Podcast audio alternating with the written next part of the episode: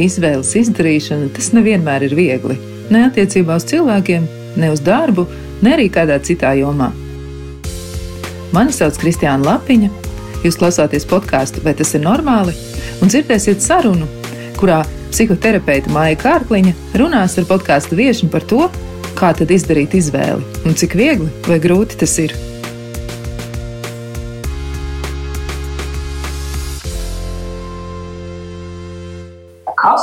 Tas, kāpēc esat uh, nolēmusi, ka ir uh, jāgriežās pie psihoterapeita? Mm, šis vairāk bija tāds kā tāda iespēja avantūrai, un tad vienkārši es arī ilgi domāju par to, par ko es ar jums gribu runāt, un tad es apstājos pie temata par, par uzmanības noturēšanu un par, par to, kā par lietu apnikšanu. Uh, ar lietām domājot ne tikai nu, lietas, bet arī darbus un kā, cilvēkus un, un nu, šā, šādas lietas.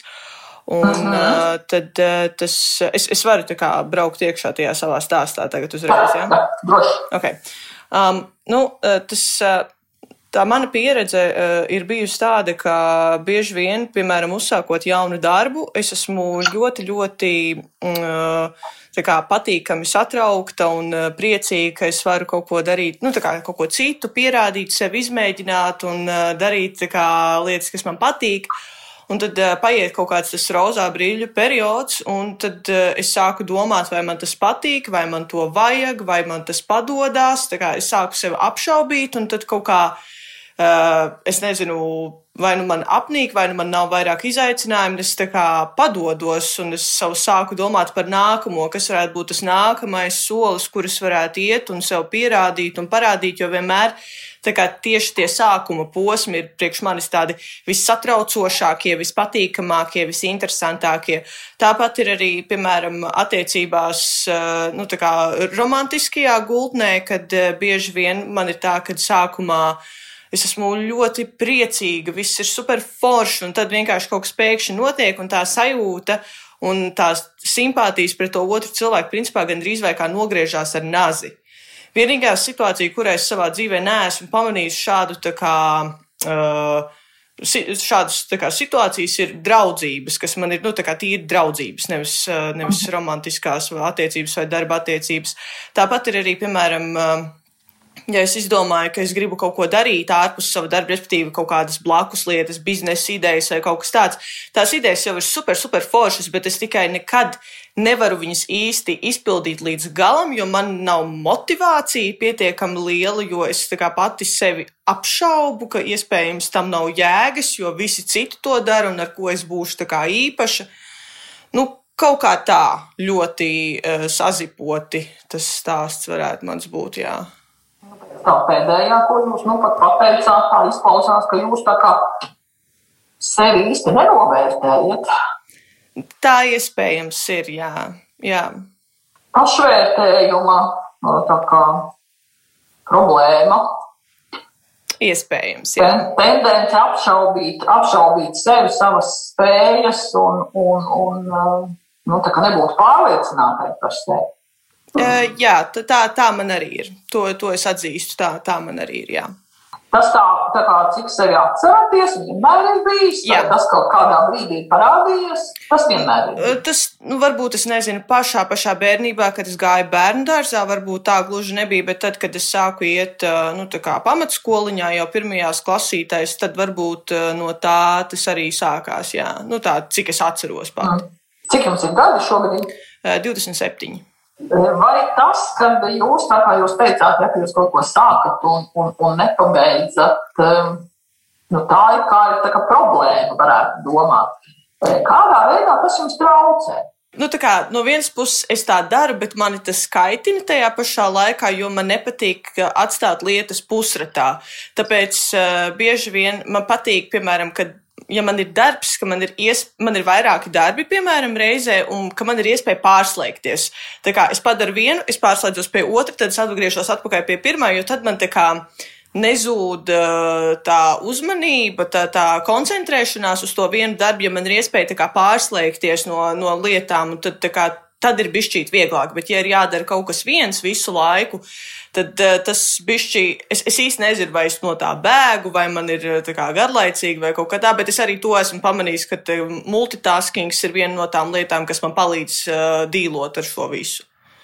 Un šā brīža darbs, ko jūs darat, ļauj jums šo multitasking izmantot? Vai, Jā. Jā. Vai jūsu, piemēram, tētis vai mamma arī ir šāds te, cilvēks, kas nu, maina, maina visu laiku nodarbošanos, lai viņi tā kā var pieķerties kaut kam vienam un tad to arī darīt? Jā. Tā nodarbošanās kopumā, ko jūs darat, viņa ir tā kā Es saprotu, ka tur ir dažādas daļas, bet, bet kopumā tas ir viens darbs. Vai tie ir pilnīgi dažādi kaut kādi darbi, savā starpā nesaistīti? Tas ir viens darbs, taču zem tā viena darba iet apakšā ļoti daudz uh, dažādas lietas.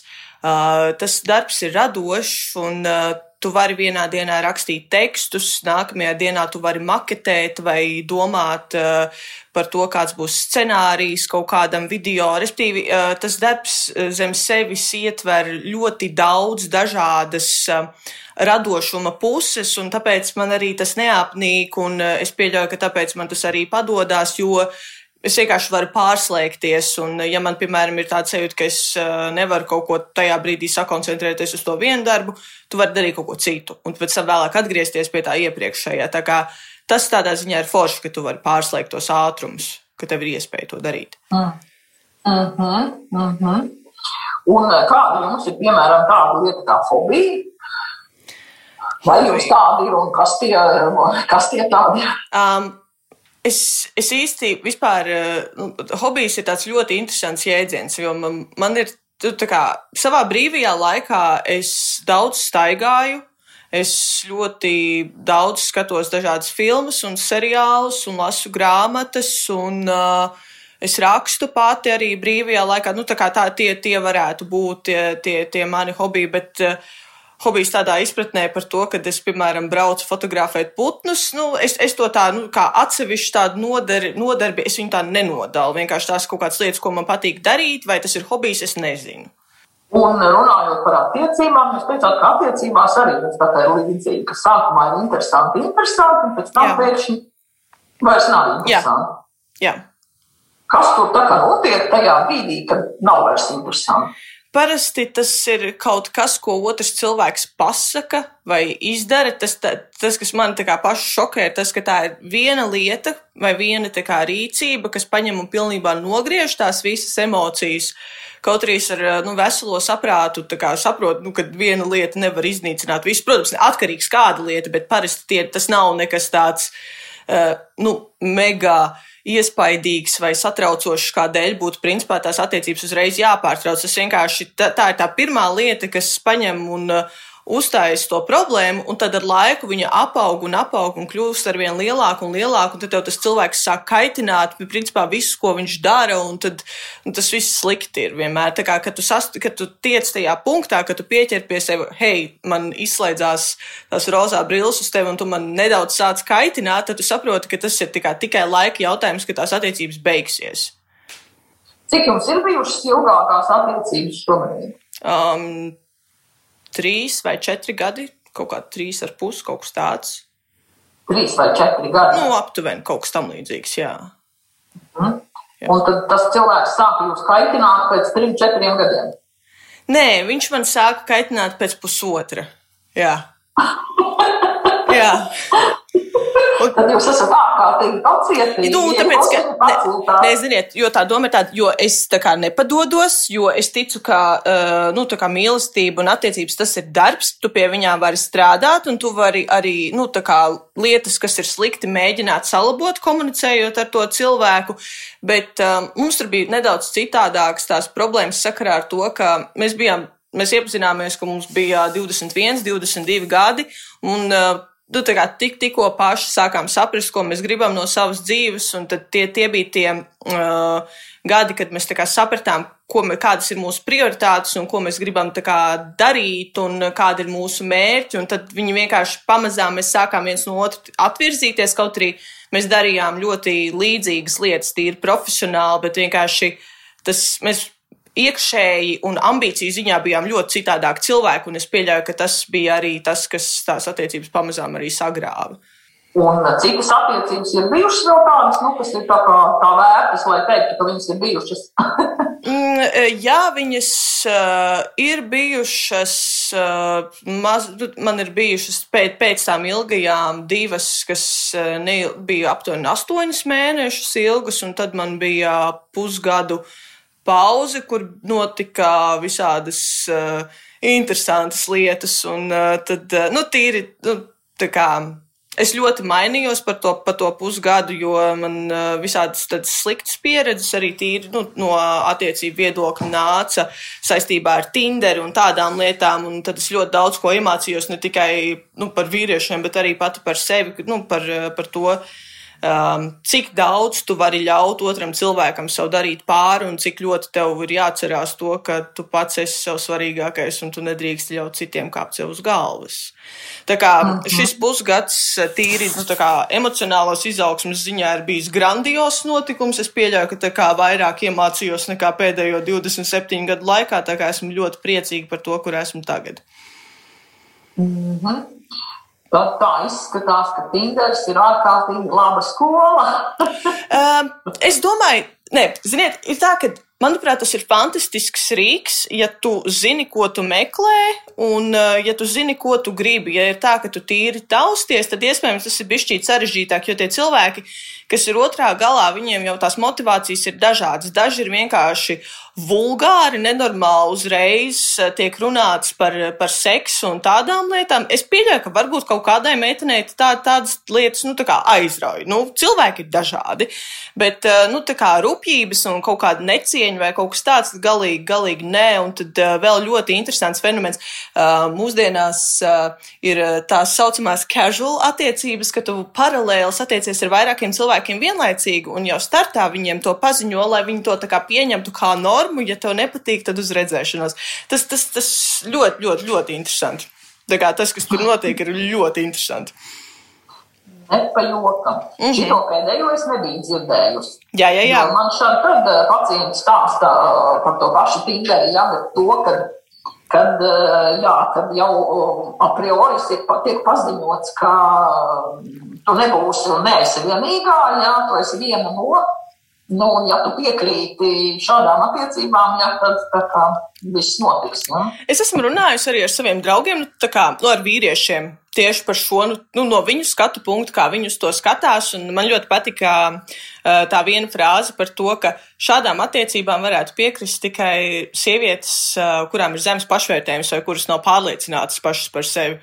Un man liekas, wow, tā kā ļoti, ļoti labs insights, ļoti labs novērojums tā, jā, Tā ir.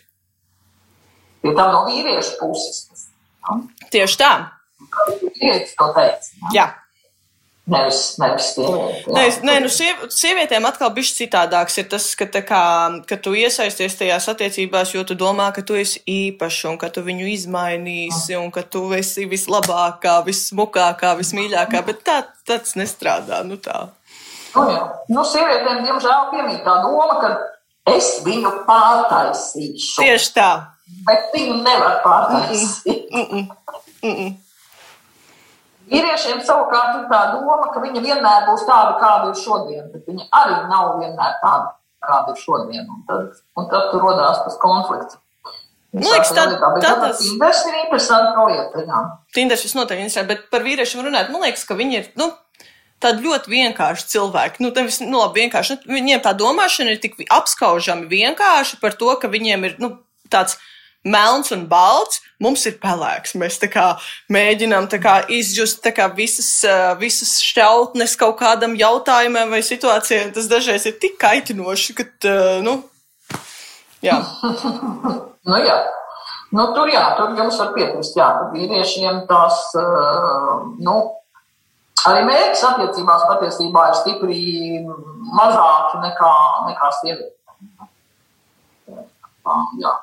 Es gan teiktu, ka sievietēm ir nevis pelēks viss, bet es teiktu, ka sievietēm ir vesela varavīgs. Nu, jā. Vai balts, vai melns, jo mēs, nu, tā kā visu laiku mainām gan, gan savas domas, gan savus mērķus, gan uh, uzskatus un tā tālāk. Ja? Mm -hmm. Bet tajā pašā laikā katrai, es domāju, ka arī jums noteikti ir nu, kaut kādi savi priekšstati un kaut kādas savas uh, idejas, domas, ko jūs gribat, ko jūs vispār dzīvē gribat. Vai par to ir domāts, teiksim, tā, kas, kas, kas uh, ir jūs, tas mērķis? Jūs domājat, tīri attiecību ziņā vai globāli? Eh, gan attiecību ziņā, gan nu, varbūt arī globāli, bet nu, pirmkārt attiecību ziņā un eh, tā paša darba ziņā, piemēram, ja, par ko jūs sakat, ka jūs mainat visu laiku to savu, savu, savu, savu Man... skatu punktu darbā, jā, un, un, un attiecībās tad arī tā kā pietrūkst kaut kas. Man liekas, ka es aptuveni es zinu, ka es gribu darīt tās lietas, kuras es nevaru saņemties izdarīt, ja mēs runājam par darbu, respektīvi, tā kā savas idejas, kas ir saistīts ar savu biznesu, tas ir tas, ko es gribu darīt, e, nu, laika gaitā. Pagaidām man ir, jā, es esmu ļoti priecīga savā darba vietā, kur es esmu. Man ir daudz, es vēl daudz ko varu tur iemācīties, es ļoti varu savu pieredzi uzaudzēt, kas man noteikti noderēs arī nākotnē, bet kā tas galvenais, ko es gribu darīt, ir kaut kas kā priekš sevis, ko, ko es no sevis varu dot citiem. Un uh, tas, tad, to es skaidri zinu, ka es to gribu. Es vienkārši vēl neesmu īsti aptvērusi to formātu, kā es to pasniegšu. Man ir kaut kādas nojausmas un idejas, un es par to runāju ar saviem draugiem un ar savu ģimeni.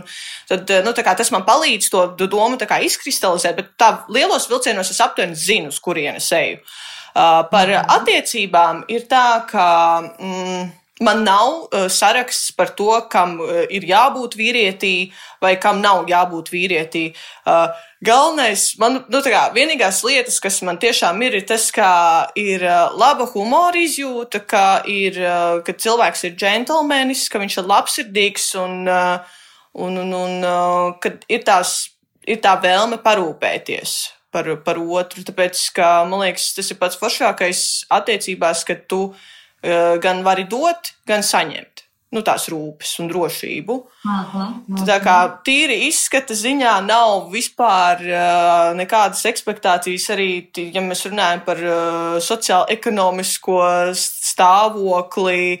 Protams, jā, būtu fantastiski cilvēks, kas būtu manā ienākuma līmenī vai, vai, vai augstākā, bet uh, tā īsti tādas stingri akmenī iecirstas prasības man nav. Es vairāk skatos, kā es, viņu, nu, kā es viņu satieku, kāds ir.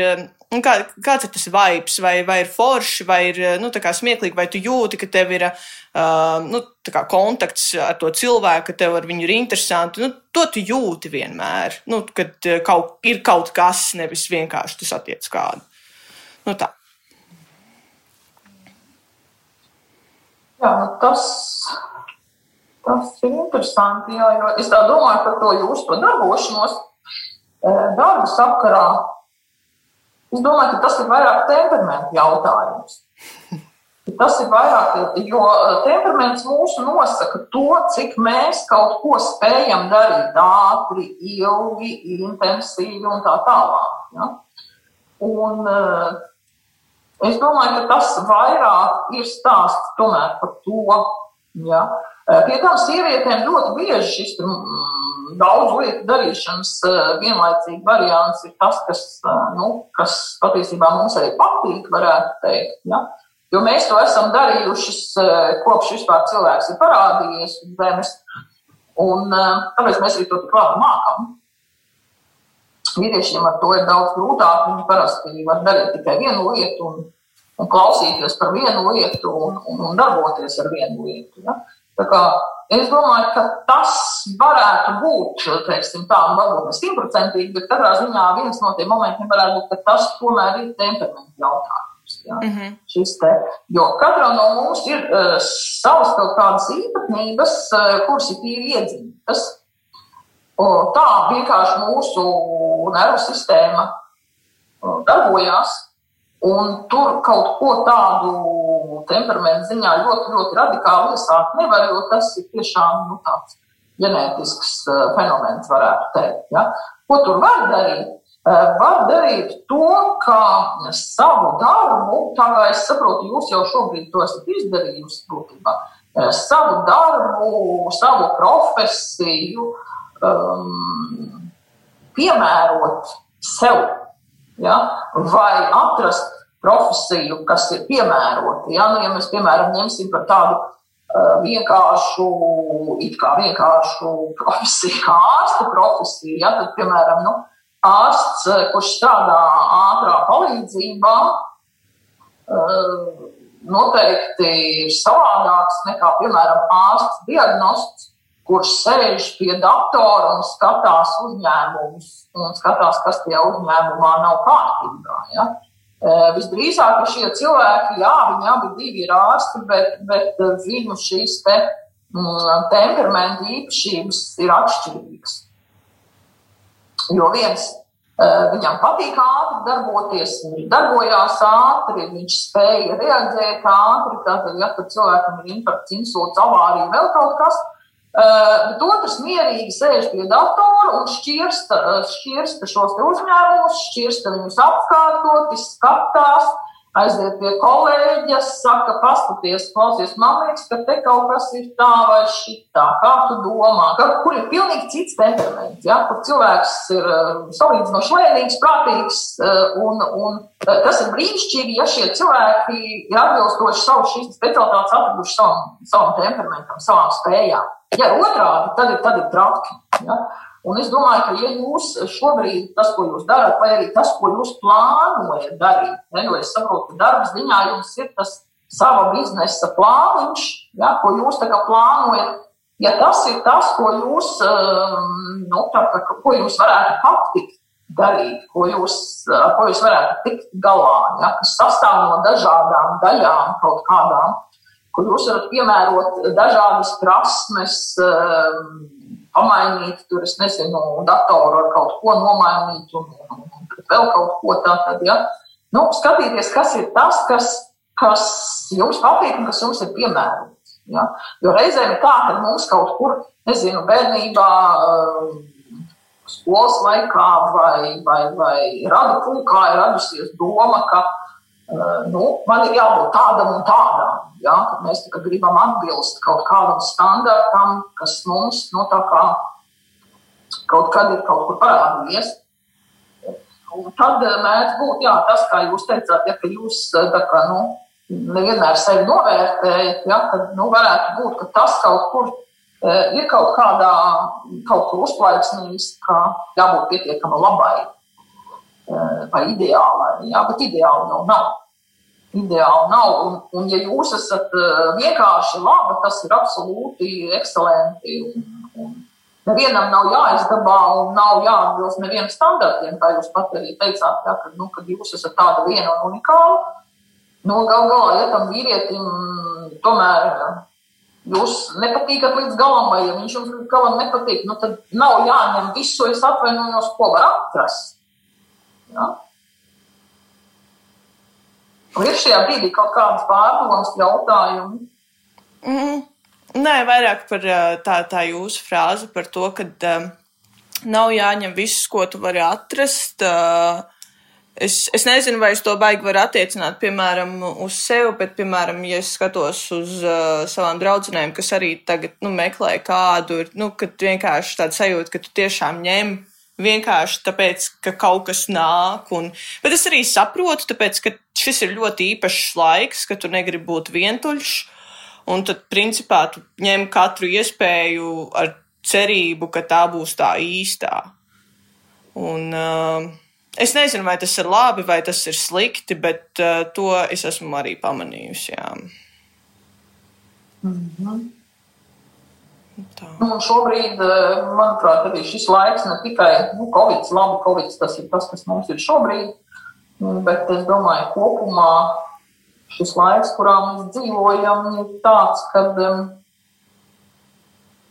nu, varētu teikt, ka eh, diezgan mainījušās eh, sieviešu un vīriešu attiecības vai lomas. Sievietes ir kļuvušas materiāli patstāvīgas Un vīriešiem nu, viņiem bieži vien ir grūti sacensties ar sievieti, kura varbūt pelna vairāk nekā viņš. Un līdz ar to arī, protams, nu, sieviešu prasības ir, ir augstākas par vīriešu. Ja, jo, nu, ja pati sieviete ir ar augstāko izglītību un, un, un pati sevi var uzturēt, tad nu, diezgan loģiski, ka diez vai viņi gribēs vīrieti, kuram ir pamatskolas izglītība un kurš nevar sevi īsti uzturēt. Ja? Un te jau veidojās šī šķēre, būtībā tīri tāda um, izglītības ziņā un materiālā ziņā. Un līdz ar to tiešām, tā, jūs sakat, nu, ņemt, eh, jā, kā jūs draudzenes, jā, to, kas nāk pretī, nu, jautājums, jā, par, par to, jo šobrīd jau mīlestība ir skaista, protams, jā, bet eh, kaut kā arī pēc savas, eh, varētu teikt, tādas pieredzes skatoties uz cilvēkiem, šobrīd ļoti liela daļa Sevišķi jaunu cilvēku, man gribētu teikt, arī ne tikai jau tādu pieredzējuši, bet arī jaunu cilvēku. Jā, varbūt tā iemīlēšanās arī ir, bet tad tiek nu, tā pragmatiski viss izreikināts un sareikināts. Un, un, un, ja tas cilvēks, kā jūs teicāt, sāk krist uz nerviem, nu, tad viņš vienkārši krīt uz nerviem. Un ir skaidrs, ka visu dzīvi dzīvot kopā ar cilvēku, kas krīt uz nerviem, nu, tas nebūtu laikam prāta darbs. Ne? Mm. Katrā ziņā es domāju, ka tās attiecības arī ir kaut kas tāds, nu, ko es teiktu, tā ir eh, varbūt jāpalaiž tādā zināmā eh, pašplūsmā. Eh, nevis kā tādu mērķi izvirzīt, ka tagad, nu, tur es nezinu, man ir nākošais gads jāprecās un aiznākošais gads jādzemdē bērni, ja? bet Jā, kad jūs vienkārši dzīvojat, skatāties, kas apkārt notiek, kādi cilvēki jums ceļā gadās, un, un varbūt kāds no tiem cilvēkiem arī tas īstais. Nē, es, es... Ja mēs kaut kā tā ļoti, ļoti, ļoti, ļoti pieķeramies, tad mēs varam nu, tā ļoti aloties pēc tam, ja mēs tā uz to mērķi tik ļoti uh, ar tādu spēku ejam. Mm -hmm.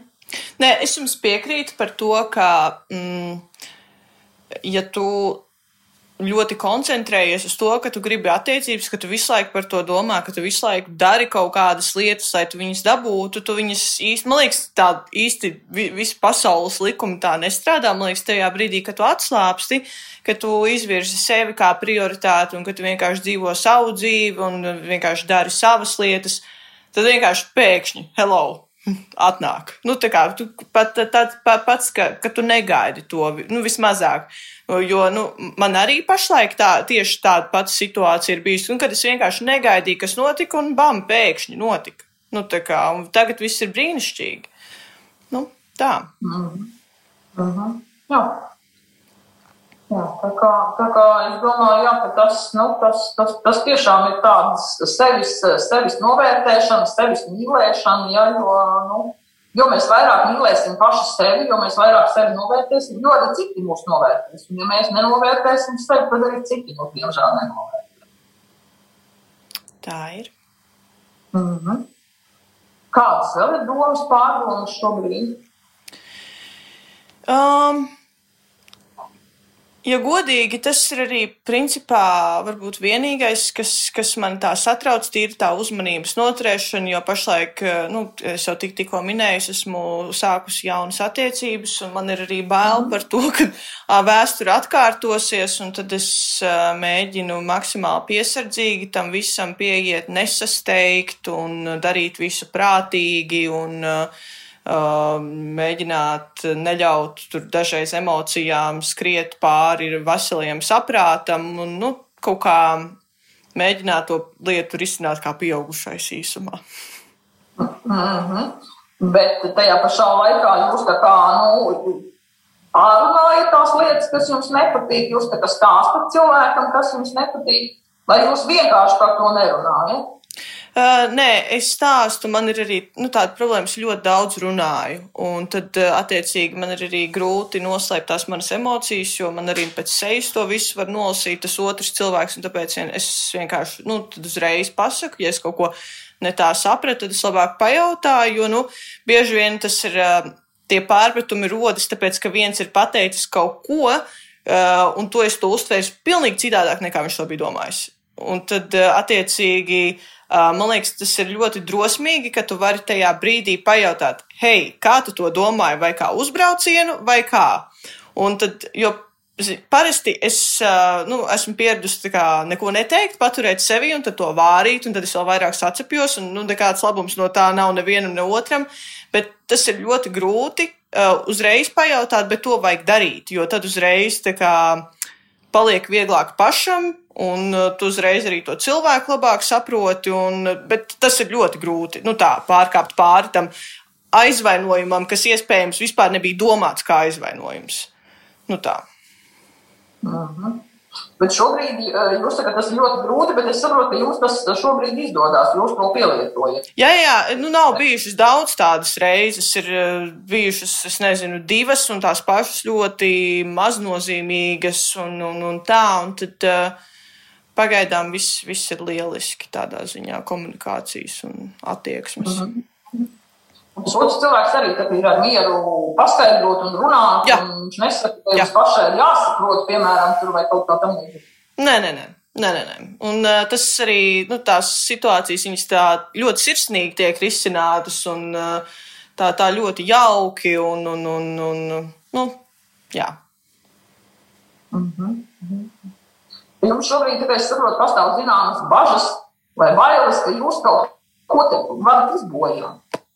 Nu jā, par to es arī domāju, par sabotāžu, par to, ka es pati nesabotēšu savu prieku un savu laimi un kaut kā tā. Tāpēc eh, es varbūt tik ļoti neizbaudu to iemīlēšanās procesu, tik ļoti, tāpēc ka es tā kā esmu ļoti sakoncentrējusies par to, lai es kaut ko nesalaižu greizi. Nu, tā, viss, nu, nu, bet tas arī ir muļķīgi. Nu, man liekas, jā.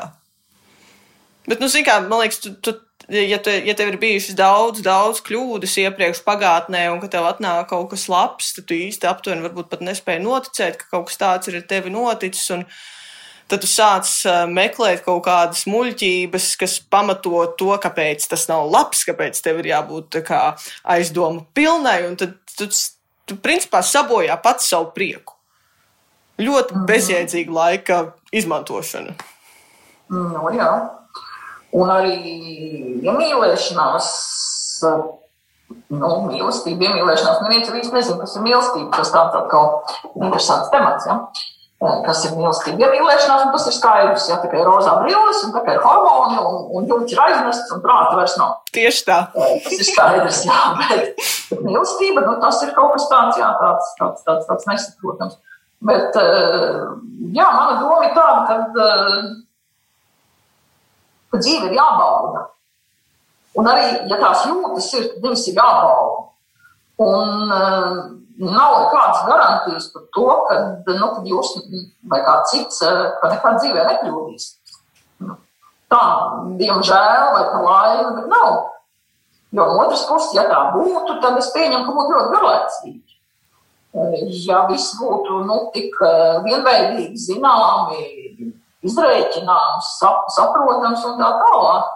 Tā kā es domāju, ka tas ir tas, nu, ka tiešām, kad uh, cilvēks ir jauns un, un, un šī te, šīs te jūtas un sajūtas un iemīlēšanās, un tas, tas viss ir tik skaisti un tik rožaini, un tagad nāk pavasars un ir, un ir puķis un, un, un būs vēl vairāk, un nu, kas var būt vēl skaistāks un romantiskāks par, par pavasaru un iemīlēšanos. Tas, es domāju, nav ne ar ko salīdzināms. Tajā pašā laikā es esmu sastapusi cilvēkus, kuri vispār nav bijuši pat eh, nu, iemīlējušies, ne tikai mīlējuši. Nu, viņiem vienalga ir bijušas attiecības, viņi vienalga ir, eh, vai šobrīd ir attiecībās. Ja, es domāju, ka nu, tas tiešām ir kaut kas, kas ir jāizbauda, jo es saprotu, ka ne visiem tas ir dots. Ir cilvēki, kas to izbauda, kam ir dots šī te iespējas, varētu teikt, jā, vai spēja, vai iespēja, vai gan spēja, gan iespēja uh, iemīlēties un, un varbūt pēc tam arī mīlēt, jā, bet uh, ir cilvēki, kam tas nav. Un tā kā, jā, es saprotu, ka jums te arī šeit spēlē tas, kad, kad nu, tā kā nedrīkst kļūdīties. Jā, bet nu, tas, kurš neriskē, tas nedara šampanieti, kā mēs zinām. Jā, tas ir labi zināms teiciens. Ja jūs nepamēģināsiet, jūs neuzzināsiet. Tā ir. Jā. Un es domāju, ka te ir kādreiz tas, kad ir, nu, Jā, protams, nu, kā jūs sakat, ir jāmēģina skaidrot kaut kādas lietas, kas jums varbūt nav skaidras, bet tajā pašā laikā ir, ir jābauda tās, tās sajūtas, tās attiecības, un, un tas, ka iepriekšējās nu, nav sanākušas, nu, tas vēl neko nenozīmē. Absolūti nē, pie tam jums ir 27 gadi. Ja jums būtu tagad 67 un jūs stāstītu, tad, tad, tad varētu padomāt. Jā. Nu, nezinu, es arī domāju, ka viss būtu iespējams arī tad, kad ir 67. Nē, iespējams ir arī 87. Tieši tā. Tas, tas pilnīgi noteikti.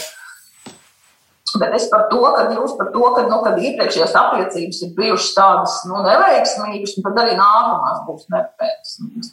Bet varbūt tās iepriekšējās attiecības bija vienkārši tāds, nu, tiešām eksperiments vai izmēģinājums priekš jums kaut kāda skola, kaut kāda mācība, jā, kad jūs skatāties, jā, tas bija tā, tas bija šitā, bet šobrīd jau jūs esat ar zināmu pieredzi un jūs esat noteikti kaut ko iemācījusies no visām šīm iepriekšējām attiecībām. Noteikti, jā.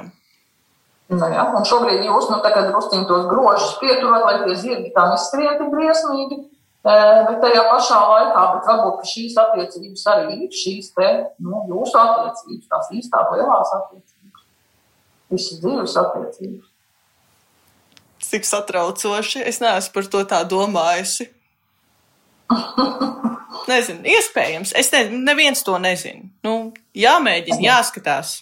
Jā, bet ar to arī ir interesanti, ja, kad mēs, nu, ka mēs ejam un skatāmies, kas notiek. Jo ir svarīgi arī, kā mēs uz tām lietām skatāmies, vai, vai, vai, vai tā glāze ir puspilna vai pustukša. Ja, ja mēs tomēr domājam, ka tā glāze vairāk ir puspilna, tad, tad, tad arī mūsu attieksme veidojās savādāk. Jo cilvēki nu, ļoti dažādi skatās uz citiem cilvēkiem. Jā. Citi, citi dzīvo ar domu, ka visi cilvēki tomēr ir labi, un citi dzīvo ar domu, ka visi cilvēki pārsvarā ir slikti.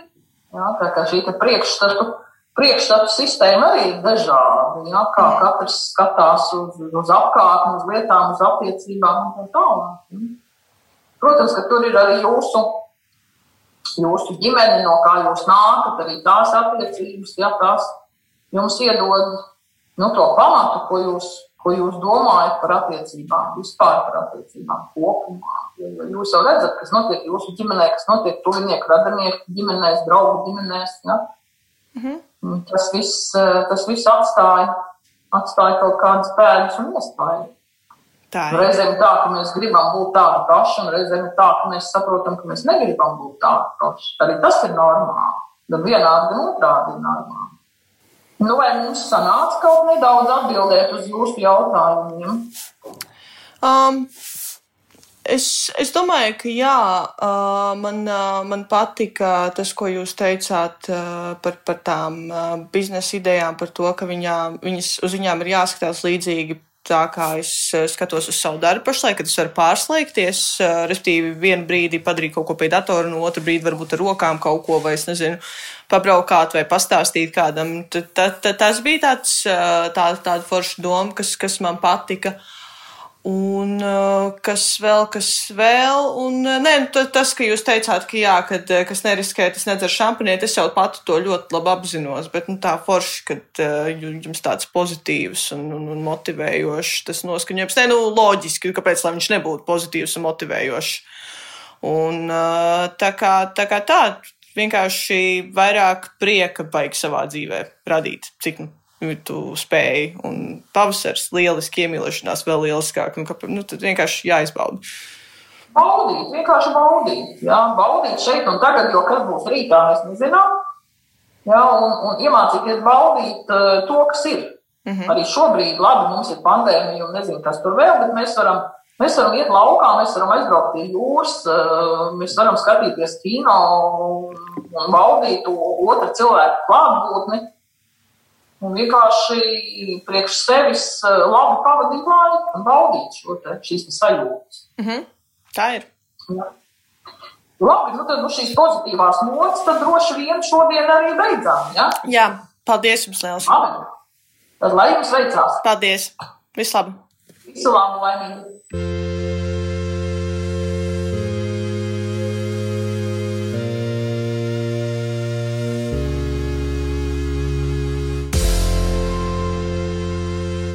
Šī sarunas daļa ir podkāstu varonē ar mani, un mēs mēģināsim saprast, nu, kas tad īsti tajā sarunā notika, un varbūt vairāk par to, kādas atklāsmes ir bijušas. Varbūt ir kas tāds, ko izdevās jums noskaidrot pašai par sevi, varbūt jūs aizdomājāties par lietām, par kurām jūs iepriekš nebijāt domājusi. Kā bija? Nu, manuprāt, ir tā, ka ar vienu reizi ir par maz, vienmēr. Nu, un, protams, ir patīkami sarunāties par tām lietām, kas tev ir svarīgas, uzklausīt viedokli no malas, bet vai man tas eh, radikāli mainīja man ikdienu un atklāja pilnīgi jaunu versiju par mani? Nē.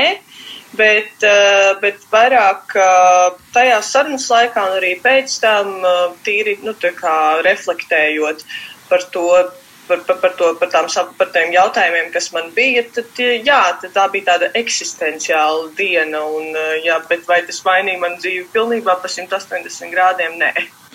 Mans jautājums ir par to, es dzirdēju, jūs sarunā bija diezgan daudz nu, sarunas laika, jūs veltījāt izvēles jautājumiem. Tie izvēles jautājumi bija gan saistīti gan ar, gan ar tādām privātām lietām, privātām attiecībām, gan arī ar, ar darbu, ar tādām lietām, kas ir diezgan nozīmīgas varbūt tālākajā dzīvē. Kā tad ir par to izvēli runājot? Varbūt tur ir kas nācis tāds, nu, ja reiz par eksistenciālām pārdomām, varbūt, ka tur ir kas tāds, ko varētu mēģināt uh, atspoguļot. Eh, ja mēs runājam par eh, tieši šiem eh, izvēles jautājumiem, man ir jāatzīst, ka kopš tās sarunas es esmu, es nezinu, vai tas bija tās sarunas dēļ, bet esmu spērus tā kā tālākos soļus, lai varētu attīstīt savas idejas, ko, ko es nebiju nekad līdz šim darījusi.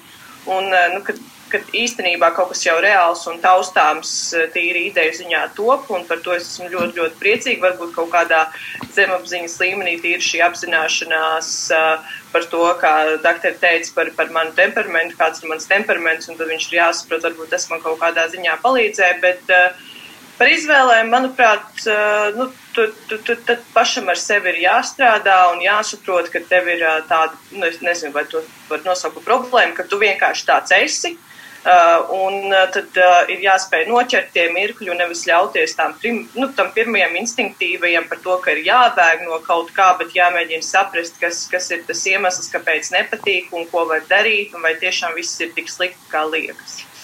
Jā, tā man likās tāda ļoti interesanta nianses. Jūs sarunāju arī runājot par attiecībām un par tiem nu, daudziem izmēģinājumiem un kritēriju izvēli, ko mēs paši sev izveidojam attiecībā uz citiem cilvēkiem.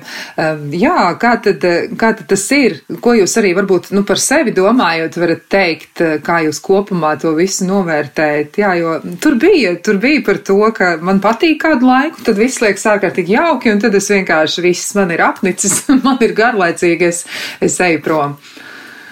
Jā, manuprāt, eh, ir eh, tas, kas manī ir dakteris, arī teica par to, ka tie ir kompleksi kaut kāda sava veida. Eh, es domāju, ka jebkuram cilvēkam ir kompleksi. Cilvēki bez kompleksiem, manuprāt, neeksistē. Bet šeit varbūt ir kaut kāda sava veida nedrošība pašam par sevi un iespējams, ja mēs, piemēram, runājam par privātajām lietām, kaut kādas vairāk vai mazāk varas spēles attiecībās, kurš, kurš uzvarēs, kurš būs galvenais, un tad attiecīgi ja tev liekas, ka kāds ir stiprāks par tevi, tad tev vairāk nav interesanti, un tad, attiecīgi, ja kāds ir stiprāks par tevi, tad tu esi nenormāli aizvainots sāpināts, un uh, iekšā, nu, manī viss vis, vis tā, mm, vis, vis tā sajūta par to, ka tu nespēji uh, saprast par to, ko tu īsti gribi.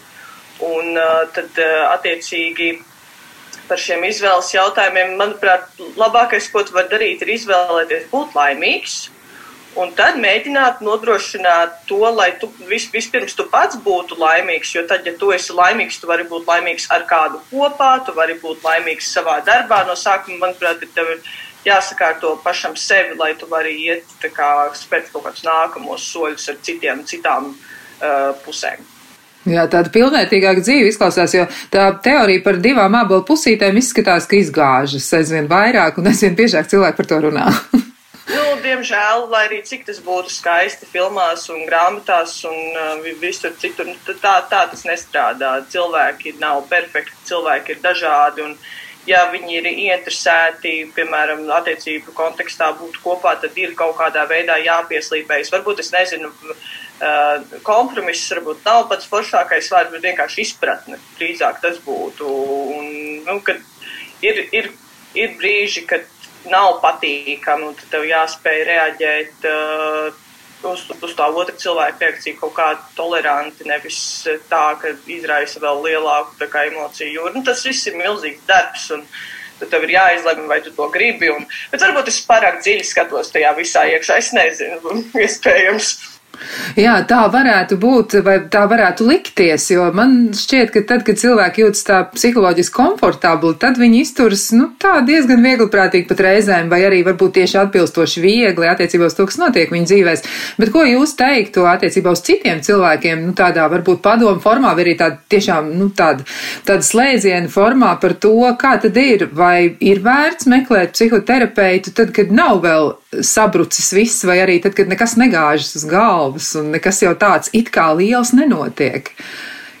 Uh, spriežot pēc tā visu, ko saka mani draugi man apkārt, uh, es, un arī ko es pati domāju, es noteikti ieteiktu cilvēkiem iet arī pie terapeita, nes, nu, arī tad, kad liekas, ka viss ir ok. Uh, lai eh, nu, varbūt gūtu to apstiprinājumu, vienkārši rūpējoties par to, eh, vai tu esi patīkams pats sev, kā tev tā šķiet, vai, bet vai tā īstenībā ir arī ar citiem cilvēkiem vai kaut kā tāda, vienkārši dabūt to viedokli no malas.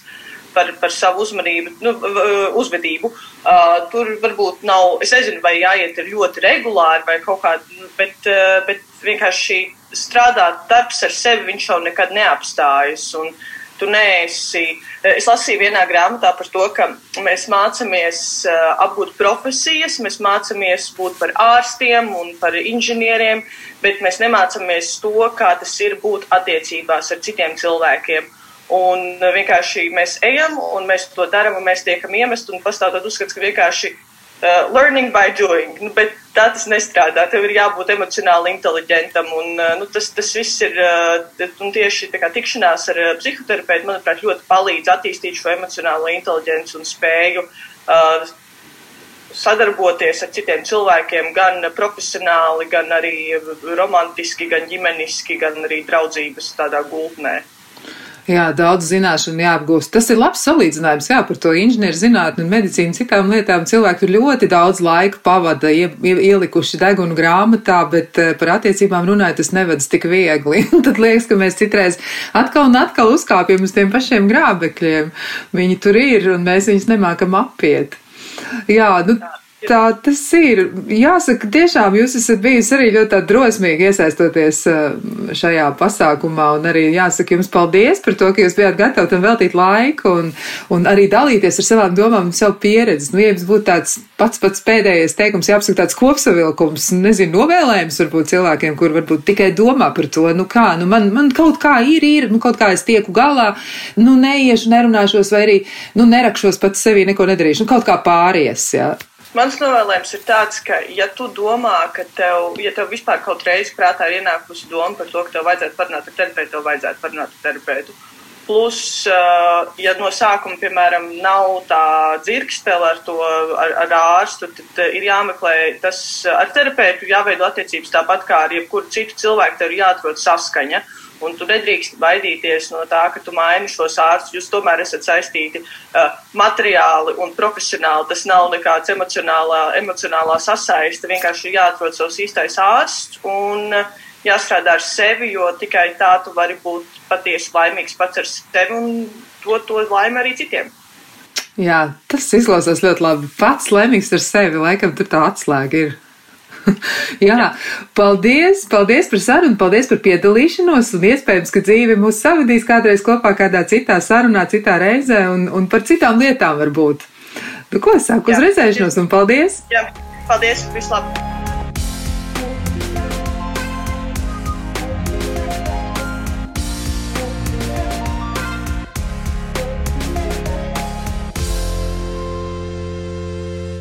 Šī sarunas daļa ir mana saruna ar psihoterapeitu Maiju Kārkliņu, un mēs gribam turpināt tematu, ko ir iesākusi podkāsta varone sarunā ar psihoterapeitu, un varbūt ir vērts sākt ar to, kā tad ir ar cilvēka subjektīvo problēmas mērogu noteikšanu, Kā, kā tas notiek? Kurā brīdī mēs saprotam, ka tas, kas notiek ar mums, ir problēma? Kā to vispār atšķirt? Viens puses ļoti vienkārši. Ja mums ir problēma, un ja mums tā liekas, tad tā problēma ir. No otras puses, mm, nu, nevienmēr mēs to spējam noformulēt sev kā problēmu.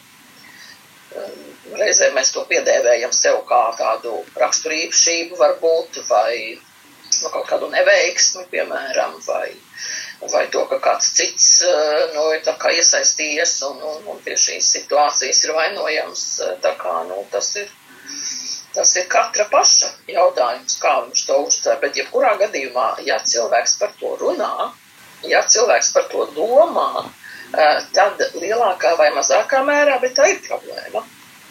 Vai var tā būt, ka no malas raugoties reizēm liekas, nu, ka tas, ko cilvēks aktualizē, vai tas, par ko viņš runā, ka tas ir tā viegli risināms, un mums no malas reizēm liekas, nu, tas taču ir viens un divi, un viss, un viss ir kārtībā. Bet viņam pašam Jā. tā nešķiet. Jā, tieši tā, jo mēs jau katrs skatāmies no savas skatu punkta. Un katram mums ir uh, sava pieredze, pieeja, priekšstati un tā tālāk, un mēs izējām no sava Eh, savām domām, eh, no sava tā, ko mēs par konkrēto lietu varbūt uzskatām. Un, ja mums, piemēram, šī te mm, problēma, vienalga, kas tā būtu, ir vai nu atrisināta, vai liekas tiešām viegli atrisināma, eh, tad mēs tā arī domājam, bet tas nenozīmē, ka tam otram cilvēkam tās problēmas nav. Vai varētu tā būt, ka tad, kad cilvēks ir nu, tādā labākā dzīves situācijā, ka viņam šķiet, ka viņš dažas lietas ir atrisinājis, viņš varētu kļūt nekritisks pret to, kas patiesībā bieži vien tās problēmas izraisa. Kā tas Jā, ir? Tas noteikti. Tieši tā. Jo, nu, katram no mums ir, nu, labi, ne, neteiksim, varbūt um, nedalīsim visu dzīvi zebrā, ja, nu, tas tā diezgan dramatiski, jā, balts melns, balts melns, jo pārsvarā jau tomēr ir tāds, um, man gribētos teikt, gaišāk pelēks un tumšāk pelēks, jā. Ja?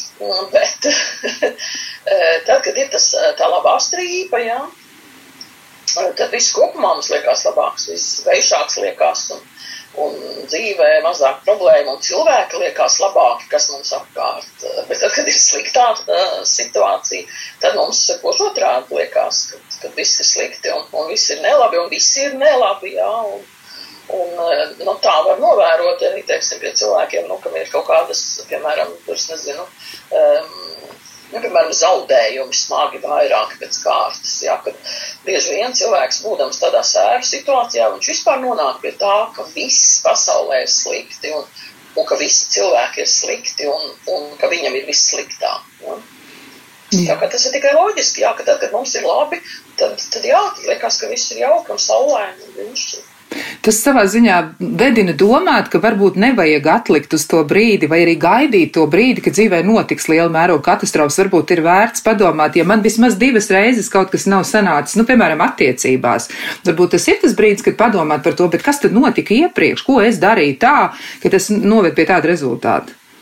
Jā, es domāju, ka viss notiek. Un, un, un es domāju, ka eh, tajās valstīs, kur um, psihoterapija ir attīstīta, ka ne tādā ziņā, kā pat terapiju, bet es domāju, kā nu, cilvēku attieksmē pret terapiju.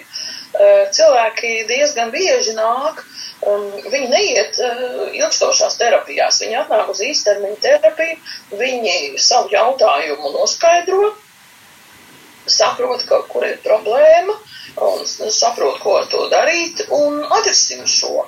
Bet eh, pie mums jāsaka, ka nu, lielākoties cilvēki nāk, tad, kad, tad, kad tiešām jau visa māja ir sagrūsta, ja, un tad, tad mēģina kaut ko saprast, kāpēc tā ir noticis.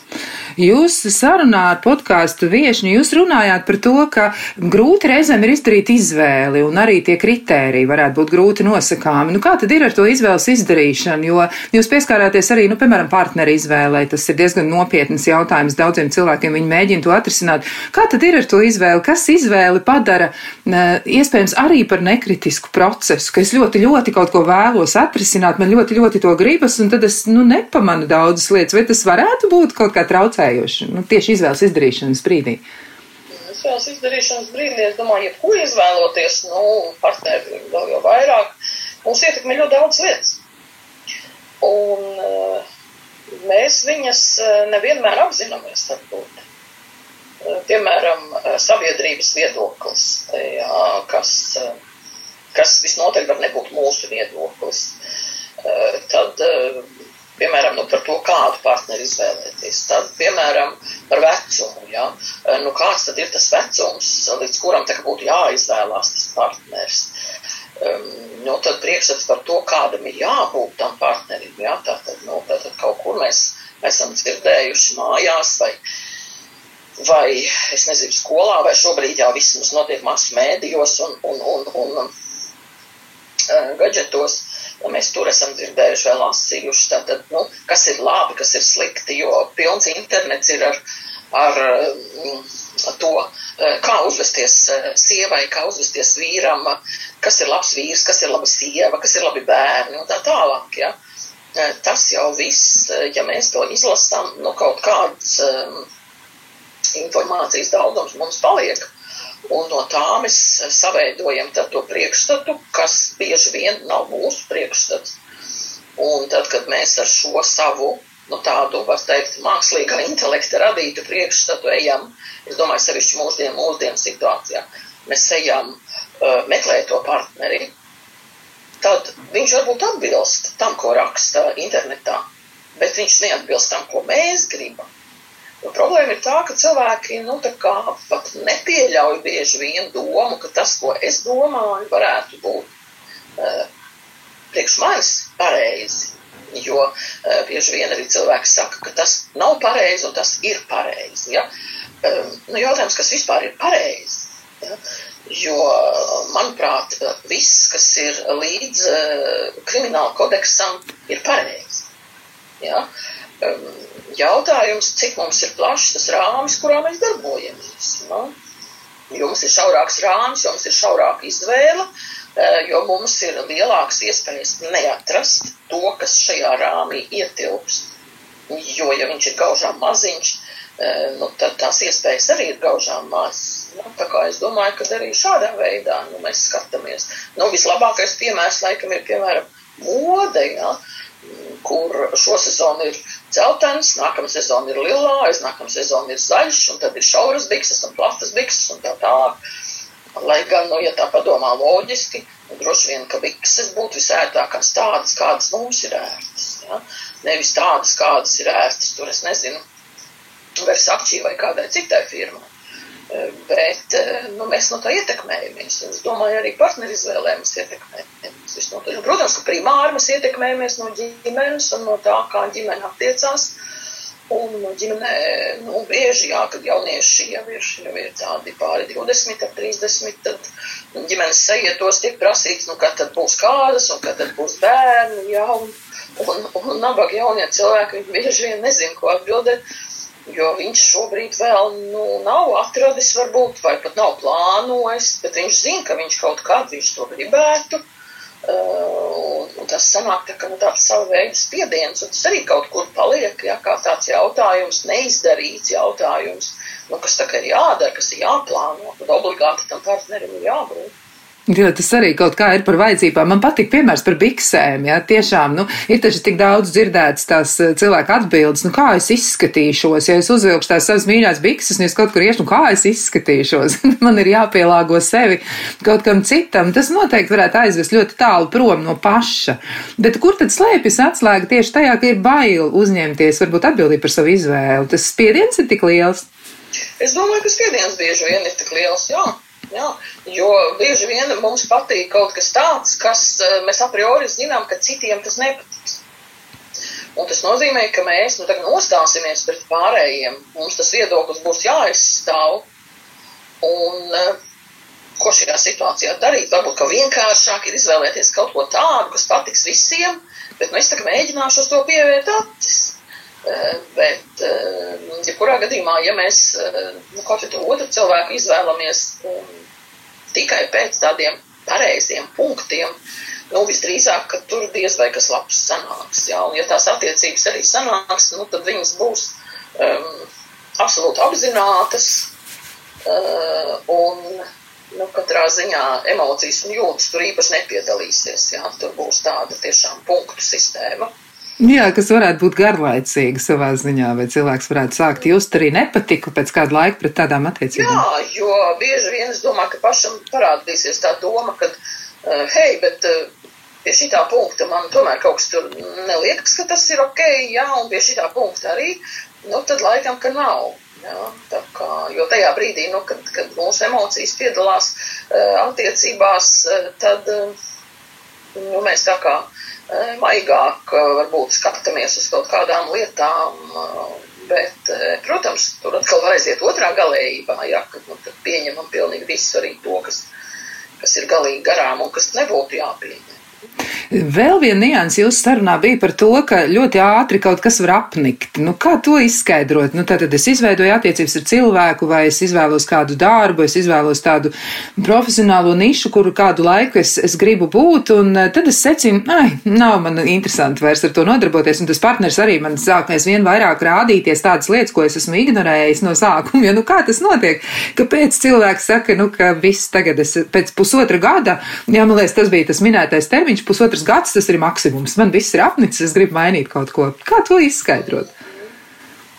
Nu, es domāju, ka pirmkārt tur ir tiešām viena no tām lietām, varētu būt šis temperamenta jautājums, ka cilvēks tiešām, nu, vismaz šobrīd viņš tā ir spējīgs darboties.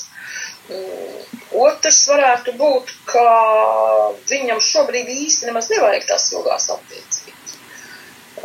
Viņš šobrīd ir tādā nu, varētu teikt, izvēles eksperimenta procesā. Un, eh, jā, viņam pietiek ar to pusgadu, viņš paskatās, eh, kas notiek un kas ir lācītim vēderā, un, un tad iet tālāk vienkārši. Un, eh, te ir jautājums, es domāju, atkal par to, nu, vai tas ir tā ilgtermiņā. Jā, vai tas tā tiešām, jo, cik es atceros, tad meitenei to gadu nebija diži daudz, jā, un, un, un nu, kaut kāds, man liekas, vēl tas priekšstats eh, daudziem cilvēkiem ir, kad, nu, bez mazvaiņas tajos 20 gados tagad ir jāatrod tas uh, dzīves partneris un, un ka tad, nu, tagad viss notiks, ja. Uh, bet varbūt, ka to dzīves partneri cilvēks atrod 35 gados, arī tas būs ok. Jā, un, un līdz tam vienkārši būs, jā, nu, mēs būsim pamēģinājuši un paskatījušies un, un, un, un izpētījuši un sapratuši kaut ko, ko tieši mums vajag. Ja? Jo es domāju, ka te arī sanāk tas, ka būtībā kaut kur iekšā ir tas kaut kāds spiediens uz to, ka tam ir jābūt e, stabilam, e, uzreiz, uzreiz riņķis pirkstā un, un pieci bērni, ja? un tad nu viss ir ok. Ja? Bet e, varbūt tiešām tas būs pēc 30, ap 40. Jā, bet tur varētu būt arī tā, nu, tāda mm, nopietna problēma. Man liekas, ir arī tas, ko jūs pieminējāt sarunā, es pievērstam uzmanību. Jūs pieminējāt arī tādu tā kā seju un attiecību kar karuseli, ka cilvēki reizēm viņiem ir paralēlas attiecības vienlaikus, un tad jājautā, kā jūtas tas cilvēks, kas tajā iesaistās. Viņš uzzina, ka vēl ir eksperiments ar citiem cilvēkiem, pieciem, sešiem, desmit, jā, un, un, un tad ir ļoti, ļoti lielas atšķirības un ļoti daudz jautājumu par to, bet kā tad ar to tikt galā, ka es esmu viens no, un par man, man par labu netiek izdarīta izvēle, bet es esmu tikai uz laiku. Kā tad to saprast? Kāpēc cilvēki tādu mēdz darīt? Kas notiek ar viņiem, ja viņi izdara šādas izvēles? Tur vēl varbūt varētu saprast to cilvēku, kurš sev to harējumu ir uztaisījis, bet, eh, bet, bet manuprāt, ir diezgan grūti saprast tos cilvēkus, kas tajā, tajā harēmā piedalās. Ja? Pie tam a priori, nu, tā kā zinot, ja, ka, ka, ka tu neesi vienīgā vai tu neesi vienīgais. Ja. Uh, Nu, es domāju, ka jā, ka tur noteikti ir kaut kādas mazvērtības, iespējams, kaut kāds komplekss un, un, un doma, ka man ir jābūt vajadzīgam vismaz kādam, lai arī viņš varbūt ir tāds, kāds viņš ir, ja, jo tad es būšu, nu, labākā vai labāks un, un, un man, es būšu pie tās grupas, kam ir attiecības, piemēram, ja. Eh, vai arī varbūt cilvēks tiešām ir vienkārši ņēmis un iemīlējies tajā cilvēkā, un viņš šobrīd ir vienkārši nekritisks. Ja? Jo, kā mēs zinām, tad, kad cilvēks ir iemīlējies, tad jums tek, kā tautā saka, ja, un kritikas nav. Un cilvēks nespēja saprast, ja, kad eh, būtībā viņu izmanto. Ja, jo es teiktu, ka nu, savā ziņā tā ir tāda izmantošana. Ja. Jo tā ir grūta doma, ja, ja cilvēks arī šito ir sapratis, noteikti, tad viņam ir grūti par to domāt, man liekas, jo saprast, ka tevi kāds izmanto vai arī, ka tu ļoti, ļoti riskē palikt viens un netici tam, ka tu vari izveidot adekvātas attiecības. Tā varētu Jā. būt ļoti grūti panesama doma. Varbūt tas ir arī daļēji, nu, iemesls, kāpēc cilvēki tā dara. Jā, bet tajā pašā laikā ir cilvēki, kuri a priori izvēlās attiecības, kurās viņu izmantos. Jā, tādas mazohistiskas attiecības. Un, uh, kā acīm redzot, viņam ir tāda pieredze, tad viņš arī izvēlās tādas mazofistiskas attiecības, kurās viņš būs cietējis. Bet kā pamanīt tos karodziņus, ka kaut kas īsti nav tā kā vajag? Varbūt ir kaut kādi daži, nu, tādi pieturs punkti, ko būtu jāņem vērā, veidojot attiecības, un tas droši vien arī zināmā mērā varētu attiekties arī uz izvēli, attiecībā uz darbu, nu, kurā brīdī es varu identificēt to savu diskomfortu, kam man būtu jāpievērš uzmanība. Es domāju, ka tieši tam, ko jūs nu pat eh, teicāt, eh, vienu vārdu ļoti jauku un daudz lietojumu diskomforts, jā. Tā kā mm, daļai cilvēku ir problēmas ar emociju atpazīšanu, saprašanu, nosaukšanu vārdā, bet eh, viņiem tajā pašā laikā ir saprotams termins komforts un diskomforts, vai labi un slikti, vai labi un netik labi. Ja? Tāda es domāju, ka jebkas, kas mums rada diskomfortu, uh, liek aizdomāties, kāpēc. Ja, kas ir tas, kas mums to diskomfortu rada? Un šeit uh, mēs varam nedomāt varbūt tik sarežģītās uh, kategorijās kā emocijas, bet mēs varam mēģināt, nu, tīri praktiski izdomāt un saprast, mums ir kaut kādas attiecības. Tātad mums kaut kas tajās attiecībās nepatīk. Kas ir tas, kas nepatīk? Vai mēs ar to kaut ko varam darīt? ja mēs ar to neko nevaram darīt, un ja mums ir tas diskomforts, tad visdrīzāk mums no tām attiecībām ir jāiet projām. Jo jebkurās ja attiecībās, eh, protams, būs eh, labie brīži, sliktie brīži, bet eh, mana pārliecība ir par to, ka ja mēs gribam tās attiecības, ja mums viņas ir svarīgas, tad tam komfortam ir jābūt pārsvarā par to diskomfortu. Jā, ideāli nav, mēs ideāls neatradīsim, bet um, tajā pašā laikā e, nu, kaut kas var mūs, kā, kā tautā saka, kretinēt, ja tajā otrā cilvēkā. Bet tas nedrīkst būt pārsvarā. Tam ir jābūt mazākumā, jebkurā gadījumā, jo ja mūs, ja mūs e, kaitina vai sadusmo gandrīz viss, nu tad priekš kā mums tādas attiecības. Jā, tad jāņem tālāk drosmi mazliet vairāk, bet tieši tas ir tas, kas varētu būt tik ļoti grūti izdarāms, jo cilvēki baidās palikt vieni, un tad viņi pieļauj, ka attiecībās notiek dažādas lietas. Man liekas, vēl ir arī viena lieta, ko jūs pieminējāt sarunā, tas bija par to mm, cilvēku mainīšanu, un man šķiet, ka tas arī ir diezgan neprātīgs plāns. Man ir ideja, ka es to cilvēku izmainīšu, vai arī viņš manis dēļ mainīsies, vai tas, ta, vai tas arī ir pietiekami bieži. Ko jūs redzat savā praksē, ko cilvēki par to domā? Nu, cilvēki varbūt grib, jā, mainīt to citu cilvēku, tas ir viens, otrs, eh, ka viņu grib pievilkt kaut kādiem standartiem. Un viņš neietilpst tajos standartos. Un eh, cilvēki, tas ir interesanti, ļoti interesanti, bet cilvēki gadiem un gadu gadiem gaida, ka tas otrs cilvēks mainīsies. Viņi brīnās par to, vai nu, viņš atkal dara tāpat, ja? bet kāpēc lai viņš nedarītu tāpat? Ja viņam nav neviena argumenta arī savādāk. Ja? Nu jā, nu tas partners varbūt tur kaut ko pārmet viņam, bet tas acīm redzot nav tik, eh, teiksim, nu, um, nezinu, bieži, agresīvi, svarīgi um, viņam pašam pirmkārt jau. Viņam vieglāk ir, kā saka, nu, paklausīties to kārtējo, varbūt tirādi par to, kas, eh, kas tur ir noticis, jā, bet viņam pašam šķiet tam cilvēkam, nu, ka pa lielam viss ir kārtībā. Un parasti ir tas, ka, nu, sievietes ir tās, kas vēlas mainīt tos vīriešus lielākoties, un, un um, viņas nesaprot, kāpēc viņi nemainās. Es taču viņam stāstu un stāstu, un es viņam ar, ar viņu runāju un runāju, un es kliedzu un kliedzu apmēram jau. Viņš kā nedzird, tā nedzird. Ja? Bet, bet viņam ir ok, nu vai nu tu tad spēj pieņemt to cilvēku tāds, kāds viņš ir, nu vai arī šito lietas mierā, nu ej pie nākamā, viņš nemainīsies. Viņš nemainīsies. Nu, tas ir vairāk kā skaidrs. Jā, ok, nu ir kaut kādas iespējas, ja cilvēks varbūt pats nonāk pie tā, ka nu, kaut kas viņam būtu jāmaina, un tad viņš sāk iet psihoterapijā, un pēc pieciem gadiem psihoterapijā, piemēram, viņš var mainīties. Jā, ok, bet tur ir jābūt milzīgai motivācijai. Ja tās motivācijas nav, un ja viņam pašam liekas, ka viņš ir zvaigzne, kāpēc lai viņš mainītos? nav neviena argumenta.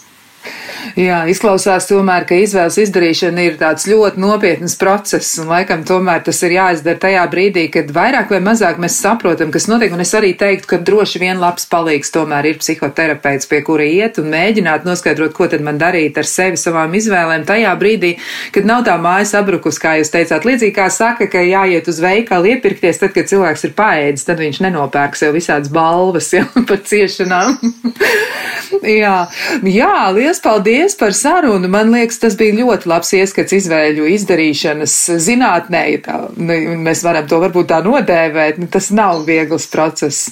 Jā, paldies, paldies. Un nu, tad tiksimies nākamajā reizē kādā citā sarunā. Prieks, jā. Visu labu!